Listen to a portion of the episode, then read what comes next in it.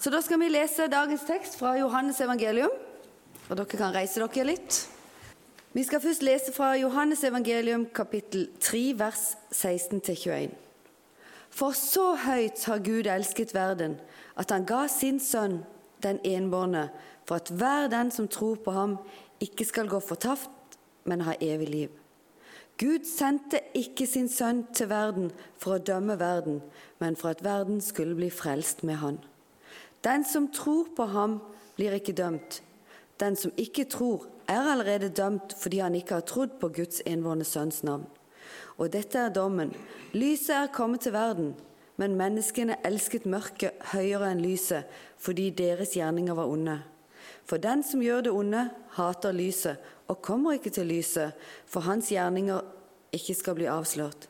Men den som følger sannheten, kommer til lyset, så det skal bli klart at hans gjerninger er gjort i Gud. Og så skal jeg lese fra Johannes 5, 24-30. Sannelig, sannelig, jeg sier dere, den som hører mitt ord og tror på Han som har sendt meg, har evig liv og kommer ikke for dommen, men har gått over fra døden til livet. Sannelig, sannelig, jeg sier dere, den time kommer, ja, den er nå, da de døde skal høre Guds sønns røst, og de som hører, skal leve. For slik Far har liv i seg selv, har han også gitt Sønnen å ha liv i seg. Og han har gitt han myndighet til å holde dom, fordi han er menneskesønn. Undre dere ikke over dette, for den tiden kommer da alle de som er i gravene, skal høre hans røst. De skal komme fram, og de som har gjort det gode, skal stå opp til livet, men de som har gjort det onde, skal stå opp til dom. Jeg kan ikke gjøre noe av meg sjøl, jeg dømmer etter det jeg hører, og min dom er rettferdig. For jeg søker ikke det jeg sjøl vil, men det han vil, han som har sendt meg. Amen. Välkommen till gudstjänsten. Uh, eh, vad har den här texten med tackedagen att göra? Det kan alla spöra. Men eh, var väldigt tålmodig, vi ska komma fram till det. Jag gläder mig till att se er alla. Jag heter Nimrod, och jag är från Ungern som alla kan höra. Eh, Norska är inte mitt morsmål, så vær tålmodig og nådig. Jeg skal prøve å uttale alt så rett jeg kan. Vi får se. Vi har ett spännande tema i hela semesteret, egentlig. Fordi menigheten håller på med en serie. Vi går gjennom disse store sannhetene i den kristne troen. Hva tror vi? Hva tror vi på, og hvorfor tror vi på det egentligen? Eh, vi finner det veldig nyttig och brukar litt tid på det. Fordi vi trenger dype og stabile røtter, likt et tre som står i stormen. Vi må være sikre på hva tror vi på, hvorfor tror vi på det. Og eh, Det betyr med andre ord at dere skal ikke høre så veldig mye nytt, revolusjonerende nye ting i dag i talen. Fordi vi snakker om en trosbekjennelse. Og eh, de fleste kristne kjenner trosbekjennelsen. Og det er ikke noe nytt i kristendommen i 2000 år. Så mitt oppdrag er i dag å rette ditt blikk mot Jesus. Vi bruker disse søndagene til å forsterke vår tro. Og vi lener oss på den nikenske trosbekjennelse, som er ja, noen år gammel. altså. Og den er grunnfestet i Bibelen. Och trosbekännelsen är delad i tre delar. Den första delen handlar om Gud, Fadern. Den andra snackar om Jesus, vår Herre. Och den tredje delen fokuserar på Gud, den helige ånd. Han gör och det hoppet han ger oss.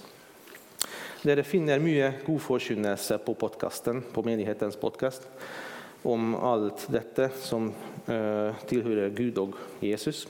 Jag anbefaller att bruka lite tid och höra på talene. Och trosbekännelsen begynner med flera sättningar som står i, eh, i fortid. Skapt, fött, bint och korsfästet. Vår kristna tro hänger icke i løse luften, men är förankrat i historien. Gud har lagt ner ett fundament vi kan bygga på. Jesus sitter vid Faderens högra hand. Det står i nåtid. Och Jesus ska komma igen, snackar om framtiden. Och här är vi nu i dag, vi ska snacka om framtiden. Så vad kan du förvänta dig att höra om den nästa cirka halvtimmen? Vi ska gå in på Jesu gjenkomst. Vad vill det se och varför tror vi på det?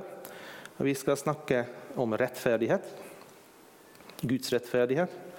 Och efterpå vi kan komma in på en tema som handlar om oss och Guds rättfärdighet i relation med varandra.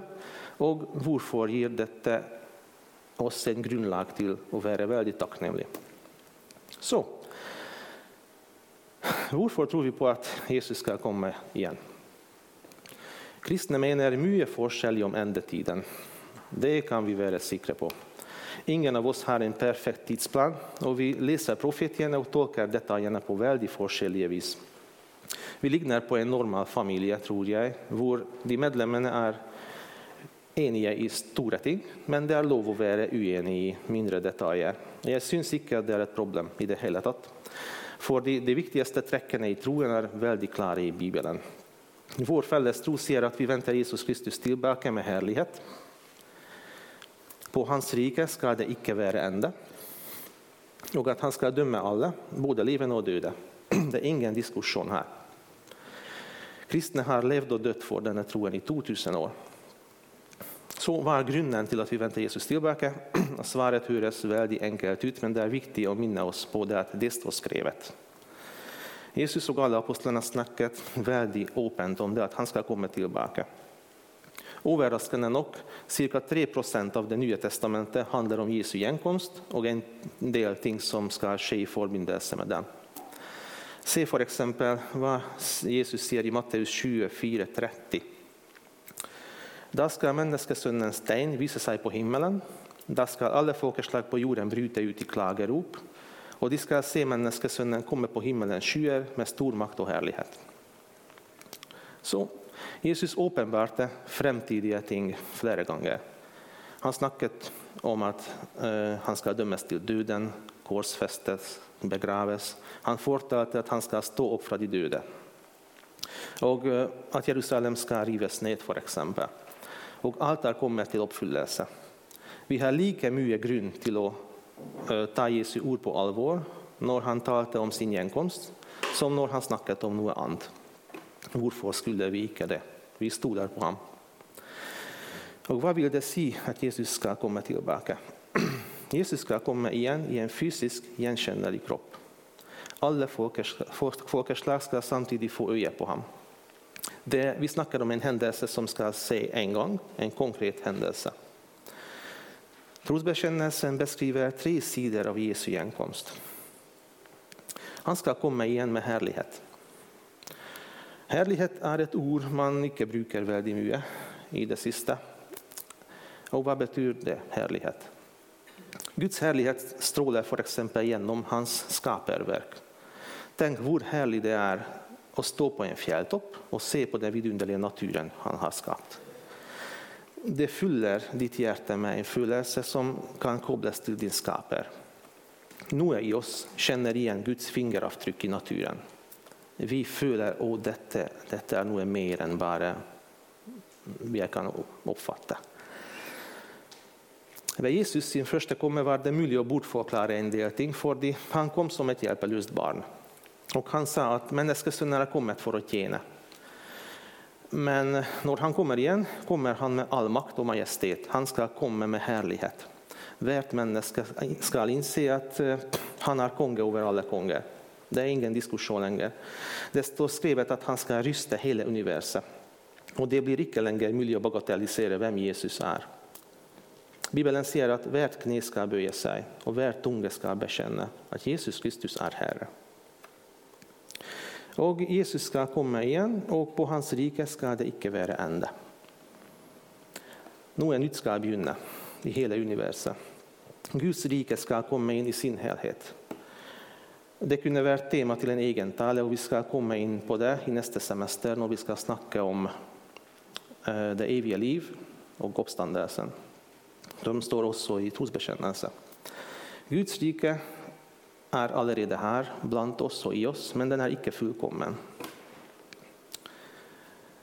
Så Jesus ger ett hopp för framtiden som ingen andra kan ge. Låt mig citera en av de mest hoppfulla verserna i hela Bibeln.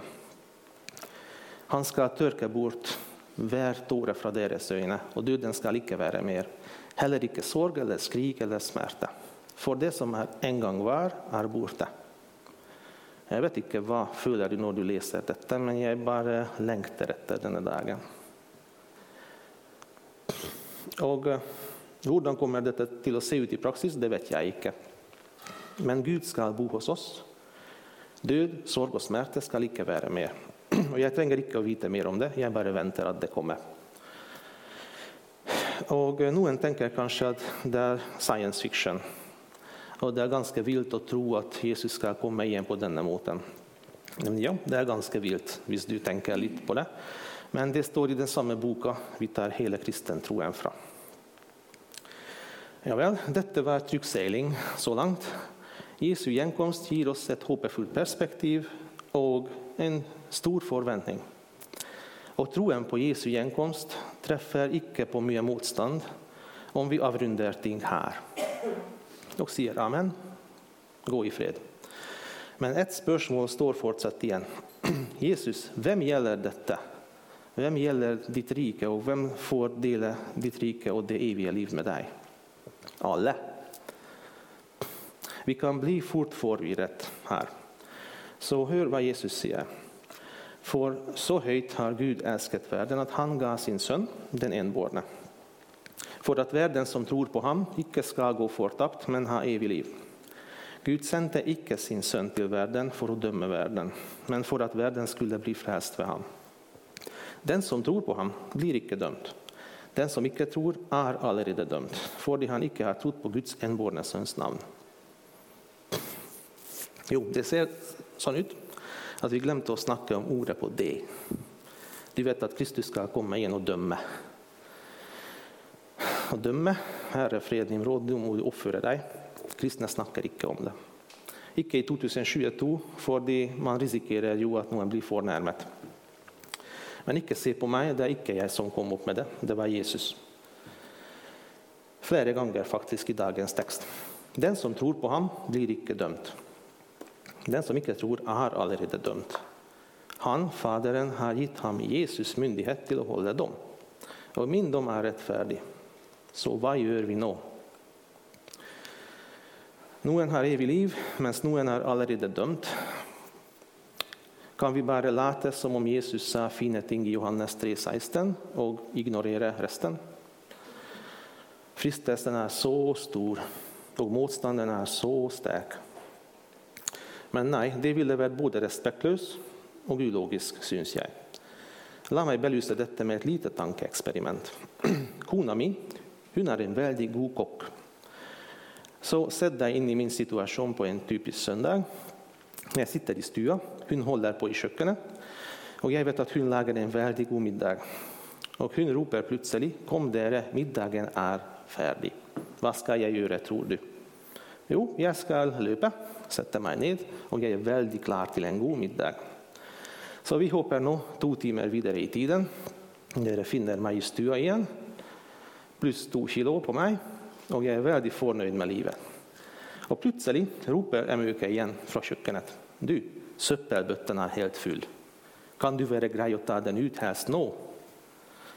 Så skal jeg sitte videre der og tenke inni meg at når hun ropte om at middagen var ferdig, det mente hun. Men dette med søppelbøtte, det betydde ikke det hun sa. Nei, det mente hun egentlig bare som en metafor. Så vet ikke, eh, Det er ikke en god strategi å tenke sånn i et ekteskap. Det er en veldig ferdig vei å gå. Så det jeg vil komme frem til at Vi må ta hele budskapet på alvor, ikke bare delene de vi er glad i. Jeg var glad i middagen, men likte ikke søppelbøtten. Men det gjør ikke noe. Hun mente begge deler. Og jo, Bibelen bruker ofte symboler. Det er ikke noe diskusjon her. Men eh, när når det gjelder dom og Jesu gjenkomst og hele pakka, det er veldig vanskelig å forsvare en symbolsk tolkning. Så hva er greia med dommen? Jeg foreslår at vi begynner vår analyse i kapittel 5, 30. Fordi Jesus sier noe veldig viktig. Jeg dømmer etter det jeg hører, og min dom er rettferdig. Rettferdighet. Du kunne ha gått ut på gata och spurt människor i vilket som helst land, Och alla hade nog sagt detsamma, vi längtar efter rättfärdighet. De menneskelagde rättsapparaterna lover, regler De är inte perfekta. Och i många land regelverket faktisk fremmer urettferdighet. Menneskerettigheter det är trukket ned i sølen varje nästa dag. Millioner er trakassert, utnyttet. Det skjer forferdelige ting. Kriminelle og korrupte ledere slipper unna straffen gang på gang. Og Det er ikke et nytt problemstilling, ikke i det hele tatt. Men de ser ikke at situasjonen forbedrer seg noe særlig. Vi her i Vesten vi fikk leve i en boble i en stund. Men eh, nå virkeligheten bankar på dörren igen. Bara tänk på krig i Ukraina. Det kommer, det kommer närmare. Salme 73 sier är väldigt viktig. Jag var missunnelig på de hovmodiga. Jag är så att det gick de urettferdige väl. De är utan plager till sin död. Magen är god och mätt. De säger, hvordan skulle Gud veta om det? Har den høyeste kännskap till noe? Slik er de urettferdige. De er alltid trygge og øker sin rikdom. Det var pinefullt å se. Og ja, det er pinefullt å se det som skjer i verden.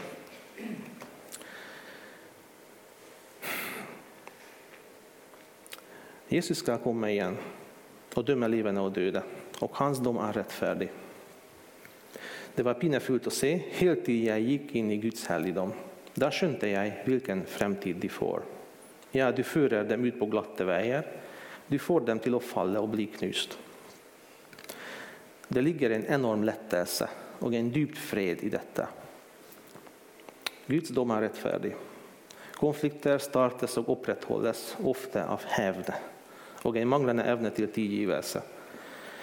Men visst, man kan överlåta domen till Gud och stole på ham, går det an ting bak sig. För det sker orättfärdiga ting också i våra liv, icke bara på stora nivå. Ting sker, ting blir, forblir ofta uppgjort och vi bär dem vidare. Men vi kristna har möjlighet till att bidra med något som är absolut mangelvare i dag.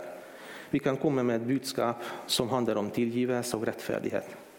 Äkta tillgivelse och en sann rättfärdighet. Nyheterna om Jesu gjenkomst är ganska goda. Nu Noe er galt med denne verden, det var vi enige i. Den kristne troen henter sin forklaring på det ifrån Bibelen.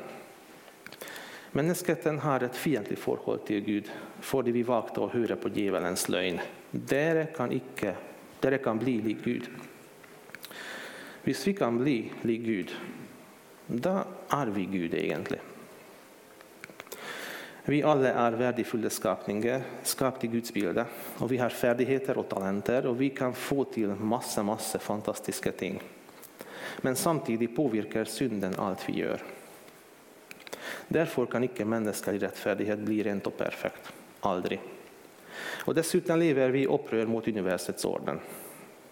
Gud och synd har icke någon god relation till varandra. Och sedan Gud lagar reglerna och icke oss, alla må betala prisen till upproret. Det var det Jesus mente i 3.18 när han sa att människor är allerede under Guds dom. Och förresten, Vi har ett litet problem med domen. Vi vill att den ska gälla alla, men icke oss själva. Kristna vi faller ofta i denna fallen. nej. Jag är en synder, ja, men likväl, jag är lite bättre än naboen. För han förtjänar straff. bara se på honom, hur han lever. Men jag jag ville aldrig ha gjort det han gör. Väldigt fint. gratulerar. Men vad betyder att du är bättre? Är det god nog? Och vad är egentligen Guds standard? En kan svara att vi kan göra vårt bästa och Gud kan inte kräva mer än det. Takk for innspillet. Fint. Men jag tror nog ødelegger jeg stemningen litt, fordi Gud gav oss ett hjälpmedel som hjälper oss att förstå att vi kan ikke tillfredsställa Gud. Vi kan ikke gjøre opp vår sak med Gud ut fra egen kraft. Gud har gitt oss loven. Bare ta de ti bud. Ikke gå videre, bare ta de ti bud. Du skal ikke ha andre guder. Du skal ikke slå i hjel, ikke bryte ekteskapet. Du skal ikke stjele, ikke vitne falskt, osv. Den setter en høy standard. Du sier kanskje at du er flink på de fleste. Gratulerer. Du är i vart fall bättre än mig. Men är det nog? Hör vad står i Jakobs brev. För den som håller hela loven, men snubblar i ett av budene, har gjort sig skyldig i å dem alla. För han som sa du ska ikke bryta äktenskapet, han sa också du ska ikke slå ihjäl. Om du inte bryter äktenskapet, men slår ihjäl, då är du en lovbryter. Detta høres ikke veldig bra ut. Och Jesus han skrudde upp temperaturen lite mer. Det jag har hört, det har sagt till förfäderna, du ska icke slå ihjäl. Den som slår ihjäl ska vara skyldig för domstolen. Men jag säger det, den som blir sint på sin bror, ska vara skyldig för domstolen. Och den som säger till bror din idiot, ska vara skyldig för det höga råd. Och den som säger din ugudelige narr, ska vara skyldig till helvetes ild. Au. Syndens straff i Guds reglement är död. Och Jesus sa nettopp att det som kallar någon en idiot, är skyldig till helvete. Vi är nå inne på något kämpekomfortabelt nu. Och jag vill hellre snacka om något annat. Det kan jag lova dig. Men jag är bara sändebud i dag. Det är inte jag som skrev brevet, Jag må bara leverera det. Så vi må bara gå vidare. Om vi sätter två och två samman ser vi att alla längtar efter rättfärdighet i denna världen. Vi trenger det. Vi mangler det. Men vi kan likevel ikke ønske oss en rettferdig dom. Fordi Guds standard dømmer oss til døden. Dommen er rettferdig og katastrofal. Jesus skal komme igjen, og den dagen skal straffen gjennomføres. Alle ser frem til en evig fortapelse, inkludert meg. Med mindre noen gjør noe. Og vi så allerede at det å gjøre vår beste, det er ikke greit nok. Så nå kommer vi hit. För så högt har Gud älskat världen att han gav sin son, den enbårne, för att världen som tror på honom icke ska gå fortapt, men ha evig liv. Och Paulus säger nu i Kolosserbrevet. Dere var döda på grund av missgärningarna och deras oomskårna kött och blod. Men han gjorde dere levande samman med Kristus då han tillgav oss alla våra missgärningar. I Gjeldsbrevet mot oss släppte han, det som var skrivet med lovbud. Han tog det bort från oss då han naglade det till korset. Räddningen ligger i Jesu liv på jorden och i det han gjorde på korset. Jag var dömd till döden, och domen var rättfärdig. Jag må väl lika dø, för Jesus tog straffen på sig, Straffen som jag förtjänte, och betalade allt för mig, betalade med sitt liv. Jeg klarte ikke å oppfylle Guds krav og Guds forventninger, men han, Jesus, oppfylte dem for meg. Løsningen er ikke basert på noe jeg eller du kan håpe å oppnå. Aldri. Løsningen er gitt av nåde, ut av kjærlighet. Den er fri. Din del i dette er å gi Gud rett i diagnosen. Erkjenne at du er hjelpeløs, og ta imot nåden. Du kan bli fri. Evangeliet, det vi hørte nå, det gir oss et grunnlag til å leve et fritt liv, fullt av glede. Og den gir kraft til å hjelpe andre uten å bli hovmodig. For de kristne er ikke bedre mennesker enn resten av folket. Det kan vi være helt sikre på. Vi er benådede syndere. Har vi da noen grunn til å være høy på pære? Tror ikke det. Vi strever samtidig for et hellig liv. Mm det gör vi, men icke for å oppnå noe frelse eller for å redde oss. Vi strever for et hellig liv ut av takknemlighet. Vi er takknemlige for frelsen. Før vi går til avslutning, jeg vil nevne noe som er veldig smertefullt, og jeg vet at mange opplevde vonde ting. Jeg vet at mange av dere hørte mye veldig tung og veldig mørk dommedagslære og dommedagsforkynnelse i før i tiden. Svovel og torden og mörka skyer, och allt var synd och deprimerande. Det var sånn i många menigheter. jag vet det. Jeg hørte mycket om det. Budskapet om domen är icke gitt oss för att vi ska bruka den till att torturera människor med. Vi kan icke skrämma folk in i Guds rike. Det går icke och det är väldigt, väldigt fel. Det funkar icke och konsekvenserna är katastrofala. Kirken står skyldig i det, dessvärre. Och Det syns att vara en god kompensation, en grejordning, ordning hålla munnen och inte snacka om dem i det hela tatt. Samfunnet vill inte höra om det oavsett. Men eh, Det är också fel. Jag jobbar i hälsovården och jag jobbar som farmaceut. Och eh, jag vet att utan att ha en riktig diagnos, det är lite hopp för en riktig terapi. Detsamma gäller i varje eneste profession, där vi snackar om problemlösning. Problemlösningen begynner med ett statusrapport. Hvor är vi nu? Gud ställer en diagnos och ger oss en förklaring på eländigheten vi ser, både i oss och runt oss. Vägen till frigöringen begynner med att vara enig i diagnosen. Enten har Gud rätt, eller tar hon fel. Tar Gud feil. Hvis man påstår at Gud tar feil, sier man egentlig at jeg vet bedre hva er rett og galt i denne verden enn Gud. Sier vi at vi ikke har synd, da bedrar vi oss selv, og sannheten er ikke i oss.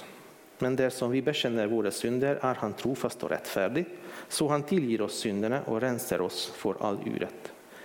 Sier vi at vi ikke har syndet, gjør vi ham til en løgner, og Hans ord er ikke i oss. Guds diagnoser och terapi träffar alltid en stark motstånd. Det var så i alla tider. Var eneste generation av kristna upplevde det. Och motstånden frister oss kristna till att mjukna upp budskapet och skära väck det som är obehagligt att höra på.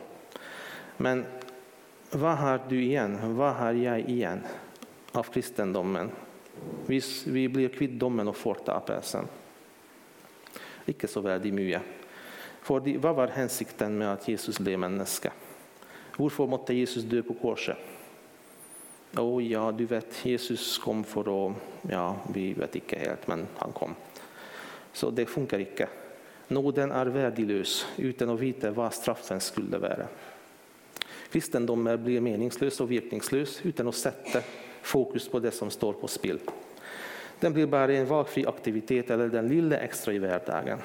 Det er ingen som trenger det, egentlig. Noen syns kanskje at dette er fel argumentering. Ok, Vi kan diskutere til i morgen tidlig hvis du vil, men vi har en klar beskjed fra sjefen, fra Jesus, som ikke kan diskuteres. Jeg har fått all makt i himmelen og på jorden. Gå derfor og gjør alle folkeslag til disipler. Døp dem til Faderens og Sønnens og Den hellige ånds navn, og lær dem å holde alt jeg har befalt dere. Og se, jag är med er alla dagar intill världens ände. Lär dem att hålla allt. Han säger att lär dem att hålla allt de likar och höra på. Han sa dessvärre icke det. Menighetens ansvar är att forkynne allt som tillhör frälsen och det heliga liv. Både diagnosen och lösningen. Och jag är skyldig här väldigt, väldigt, väldigt mycket. Fordi jeg liker å snakke om det behagelige ting når jeg snakker med mennesker. Men å svare på de tunge spørsmålene Ja, det, jeg vil helst holde munnen. Men et halvt evangelium skal ikke frelse noen. Vi kan ikke snakke om løsningen uten å vite hva diagnosen er. Og Guds ånd tar ansvar for det som kommer etterpå. Det er Guds ånd som overbeviser mennesker och föder dem på ny. Det är ikke vi som gör det. Så vi kan icke hoppa över det obehagliga i Jesu lära utan att göra evangeliet. Men vi har icke heller lov att skrämma iväg folk från Gud Och det har icke lov att bruka frukt till att kontrollera en menighet. Vi kristna tränger Guds ledelse till att kunna finna den rätta balansen i forkynnelsen. Så vad har detta med tackedagen att göra? Det er mye å takke for. Tenk det, Gud er rettferdig. Takk og lov. Han skal bringe frem en rettferdig dom. Og den dommen skal gjelde alle. Det er ingen snarveier. Ondskapen får ikke herje uten grenser i denne verden. Og Gud er nådig. Takk og lov, Gud har ofret sitt eget liv for å redde oss fra dommen. Vi har en kjærlig og en nådig Gud. Helt fantastisk. Vet inte vad slags tankar har denne talen väckt i dig? Och höra att livet kan ha två möjliga utfall och Jesus ska komma igen i härlighet och döma levende och döda. Och på hans rike ska det icke vara ände. Stolar du på din egen prestation och vill visa den fram till Jesus på den sista dagen. Vi fick höra hur det kommer till att gå. Jag vill att vi sätter vår blick på Jesus istedenfor. Se vad som skedde på korset. Guds rättfärdighet och Guds kärlighet kom samman. Jesus tog på sig all synd och straff vi förtjänte. Guds rättfärdighet blir tillfredsställd, domen är genomförd och Guds kärlighet blir synlig till alla. Jag var synder, jag är en synder, men jag må lika väl icke dö, för han tog straffen på sig. Det er ikke noe annet å gjøre. Bare kom og ta imot nåden. Og legg ned din bagasje. Dere som hørte på talen med jubel, dere kristne her i salen. La oss lovsynge vår Herre och komma till honom med ett tacknämligt hjärta. Han har gett oss liv. Vi ser fram till en hoppfull framtid. La oss be. Herre, tack för att du är en rättfärdig och en kärlig Gud. Tack för den fantastiska frälsningsplanen. Och tack för att du, domaren själv, betalte min straff. Tack för att vi kan komma till dig, och vi kan förnya. Vi kan förnya det fällskapet med dig. Och jag ber för dem som hörde detta och noe gikk opp i dag. at Hvem er du egentlig? Jeg ber for dem. Hjelp dem videre på veien og bli kjent med deg.